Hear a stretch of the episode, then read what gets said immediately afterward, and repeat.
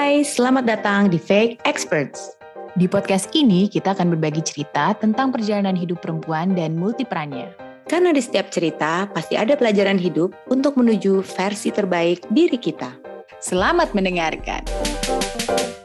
Akhir-akhir ini dengan adanya instant culture gitu, banyak juga kan uh, kayak aplikasi-aplikasi baru, perusahaan tuh juga kayak uh, startup gitu ya, tech startup juga banyak yang baru. Itu tuh terus bermunculan gitu. Seolah-olah semua orang itu selalu punya ide-ide baru gitu. Bukan seolah-olah sih, memang seperti itu gitu ya kondisinya. Kayak every day there's a new thing gitu di zaman digital ini ya terutama. Brand-brand selalu juga mengeluarkan hal-hal baru gitu kan, kayak tas terbaru, sepatu terbaru, bahkan mungkin yang dulunya agak jarang ya, tapi sekarang banyak menjamur di Indonesia gitu kayak skincare ya. Selalu ada, iya tren ya tadi lu bilang tren baru yang selalu menginfluence hari-hari kita gitu ya, apalagi dengan influencer ya kan. Mudah sekali kita itu kayak terdistract dengan hal-hal baru, kayak pengen nyoba ini, pengen nyoba itu, pengen barang ini, pengen barang itu.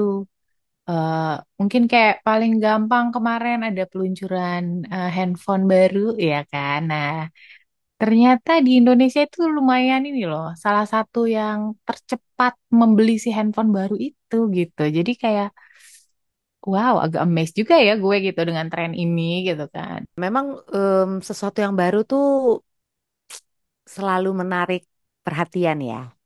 Biasanya kalau misalnya kita berada di satu lingkungan tertentu, itu kan menurut gue society itu ya juga mempengaruhi kita nih sebagai member dari si society itu sendiri gitu kan. Ada yang namanya istilah shiny object syndrome. Nah, di mana tuh orang orang-orang tuh fokus pada sesuatu yang baru, new and current gitulah yang terbaru. Iya, iya. Ini jadi ada fenomenanya ya ternyata. Ada sindromnya gitu. Shiny object syndrome nih. Bahwa kita tuh sekarang dengan kondisi yang tadi tuh ya mudah terdistract dengan new ideas, new project, bahkan new things gitu, barang-barang di dalam kehidupan kita sehari-hari. Itu uh, memang sebuah fenomena gitu. Jadi uh, apalagi di zaman sekarang yang apa yang menjadi tren itu selalu pengen diikuti oleh orang-orang gitu tanpa memikirkan panjang, tanpa mengevaluasi sebenarnya perlu nggak sih punya ide itu atau barang itu karena yang saat ini ada nih belum sempat dievaluasi gitu. Artinya belum di follow through, belum diselesaikan tapi udah pindah nih ke hal yang lain lagi gitu, ide yang baru lagi, hal yang baru lagi. Membuat hidup kita tuh kadang jadi nggak tenang ya. Ya nggak sih kayak semua mua tuh harus lo kejar kadang karena karena itu tadi gitu kita tertarik dengan hal-hal yang uh, terdistract dengan hal-hal yang harus selalu terdepan. Gini, sekarang tuh banyak orang yang kayak pengen mencari peace of mind. Nah, ketika kayak gini nih, kira-kira lo bisa peace of mind gak sih gitu? Karena lo sibuk mengejar hal-hal yang baru tadi tanpa lo bilang harus ya evaluasi gitu kan. Oh ada barang baru tanpa lo evaluasi dulu apa kalau butuh kadang gitu ya apakah eh, ini akan berguna untuk hidup gue mungkin untuk hidup orang lain itu berguna. Tapi di hidup gue apakah ini penting gak sih berguna gak sih? Itu tuh yang kadang mungkin karena saking cepatnya juga banyak ada di mana-mana gitu apalagi dengan adanya kayak zaman sekarang instant culture sosial media yang kadang membuat orang tuh nggak punya waktu atau mungkin nggak mau memberikan waktunya untuk evaluasi, berpikir dulu nih sebelum akhirnya bertindak, kayak misalnya new ideas atau misalnya beli barang baru gitu. Iya, bahkan si fenomena ini e, diibaratkan seperti seorang anak yang selalu pengen mainan baru gitu. Jadi new toy uh, all the time gitu ya. Setiap melihat mainan baru tuh seolah seolah-olah itu tadi shiny object kayak yang sangat menarik nih gitu untuk dimiliki.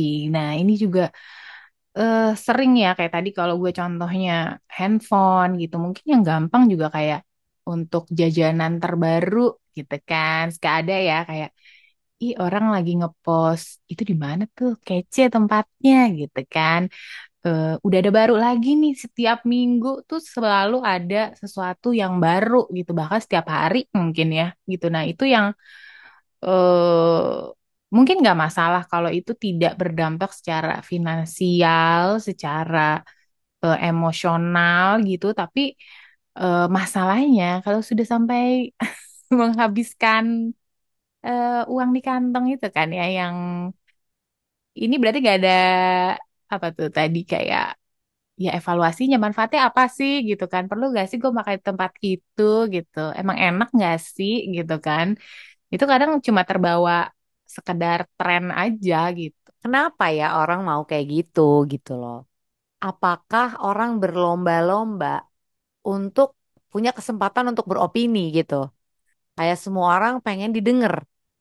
Ini nih yang selalu apa ya kontradiksi gitu ya di dalam diri gue.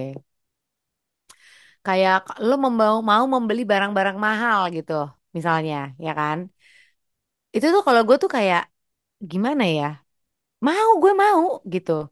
Cuman terkadang gue berpikir kayak apakah ini, apakah harus, apakah gue butuh, terus apakah ini adalah eh, definisi hidup gitu ya, definisi diri gue sendiri gitu. Kadang-kadang kita jadi kayak ya terbawa dengan si shiny things ini gitu, shiny object yang memang diperbincangkan banyak orang, kata orang bagus-bagus.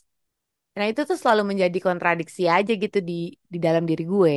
Khususnya dengan barang yang kadang kita mengkaitkan, melekatkan identitas diri kita dengan barang gitu misalnya ya, atau dengan satu brand misalnya. Eh, sehingga kayaknya seolah-olah kalau kita udah punya itu, we're in that circle gitu kan. Kita ada dalam grup Hmm. yang trendy ini nih gitu, karena kita Hmm. ikut arus tren ini, kita terdepan, kita paling paling fashionable gitu misalnya. Tapi yang menjadi masalah adalah ketika itu ya tadi udah berdampak secara nggak cuma finansial, tapi secara emosional juga ternyata tidak fulfilling gitu di instant culture atau waktu itu kita ngomongin apa sih instant gratification gitu ya, karena kita memenuhi hasrat kita gitu Hmm. Terhadap wants kita bukan kebutuhan kita. Nah itu yang menurut gue kita harus kayak pause kali ya, harus ber, ber, berpikirlah sejenak Ya ini kan kayak distraction sebenarnya kan. Yang kadang tuh malah kita lupa akan esensi hidup ya gitu. Kayak eh, memaknai hidup kayak gitu-gitu tuh jadinya apa ya degradasi gitu kalau menurut gue. Jadi lo akan merasa bermakna, lo akan merasa berarti, lo akan merasa mungkin dalam tanda kutip fulfilled ketika lo eh, mengejar ini yang eh, mungkin nggak esensial gitu atau kita melupakan hal-hal yang selama ini udah kita eh, perjuangkan. Terkadang tuh kita lupa bagaimana benar-benar cara menikmati. Sebenarnya kalau secara psikologis ini bukan termasuk disorder gitu ya. Eh, ini hanya sebatas fenomena. Tapi yang menarik sih menurut gue pasti ada behind-nya sih. Kenapa seseorang itu eh, selalu ingin menjadi yang terdepan. Dan yang paling secara rasional menurut gue yang paling masuk akal adalah ketika kita eh, selalu ingin menjadi pusat perhatian gitu kan. Hmm. Ya harus yang paling duluan nih gitu, paling pertama. Yang kedua, ini gue juga baca di uh, exploringmind.com itu dia bilang kaitannya dengan way of critical thinking kita gitu. Itu menunjukkan bahwa orang yang sangat mudah untuk tergoda atau tertarik dengan hal-hal baru itu belum memiliki critical, critical thinking yang matang. Jadi ya itu tadi ya karena belum bisa mengevaluasi mana yang memang dia butuh gitu ya, sama mana yang ya udah gue beli aja nih terus terus terus terus terus. Jadi ujungnya tuh nggak ada kepuasan gitu kan, nggak ada juga hmm, ya tadi feedbacknya untuk dirinya sendiri gitu. Ya itu ya, itu kayaknya kita butuh pause sejenak ya kalau untuk eh, hal-hal kayak gitu ya.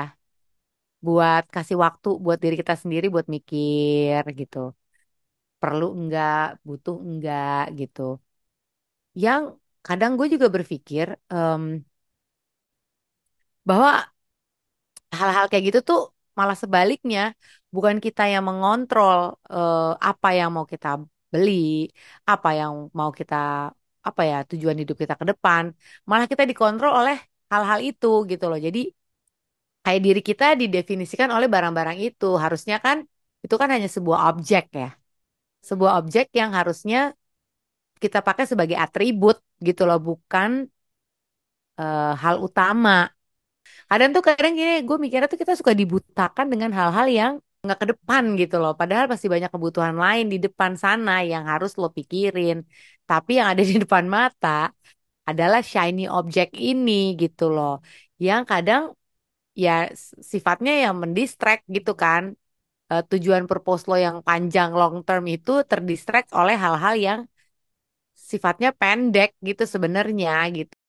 Tapi lo termasuk orang yang sering terbawa arus gitu ya. Tadi ya, gampang terdistract dengan shiny shiny things atau shiny objects ini. Atau lo orang yang lama mikirnya gitu sampai lo benar-benar bisa menganalisa eh, tadi kebutuhan lo, maksudnya keinginan lo kalau tadi. Bukan bukan kebutuhan kali ya kalau yang shiny object ini lebih kayak keinginan ya. Karena hubungannya dengan kayak ego dan hasrat gitu.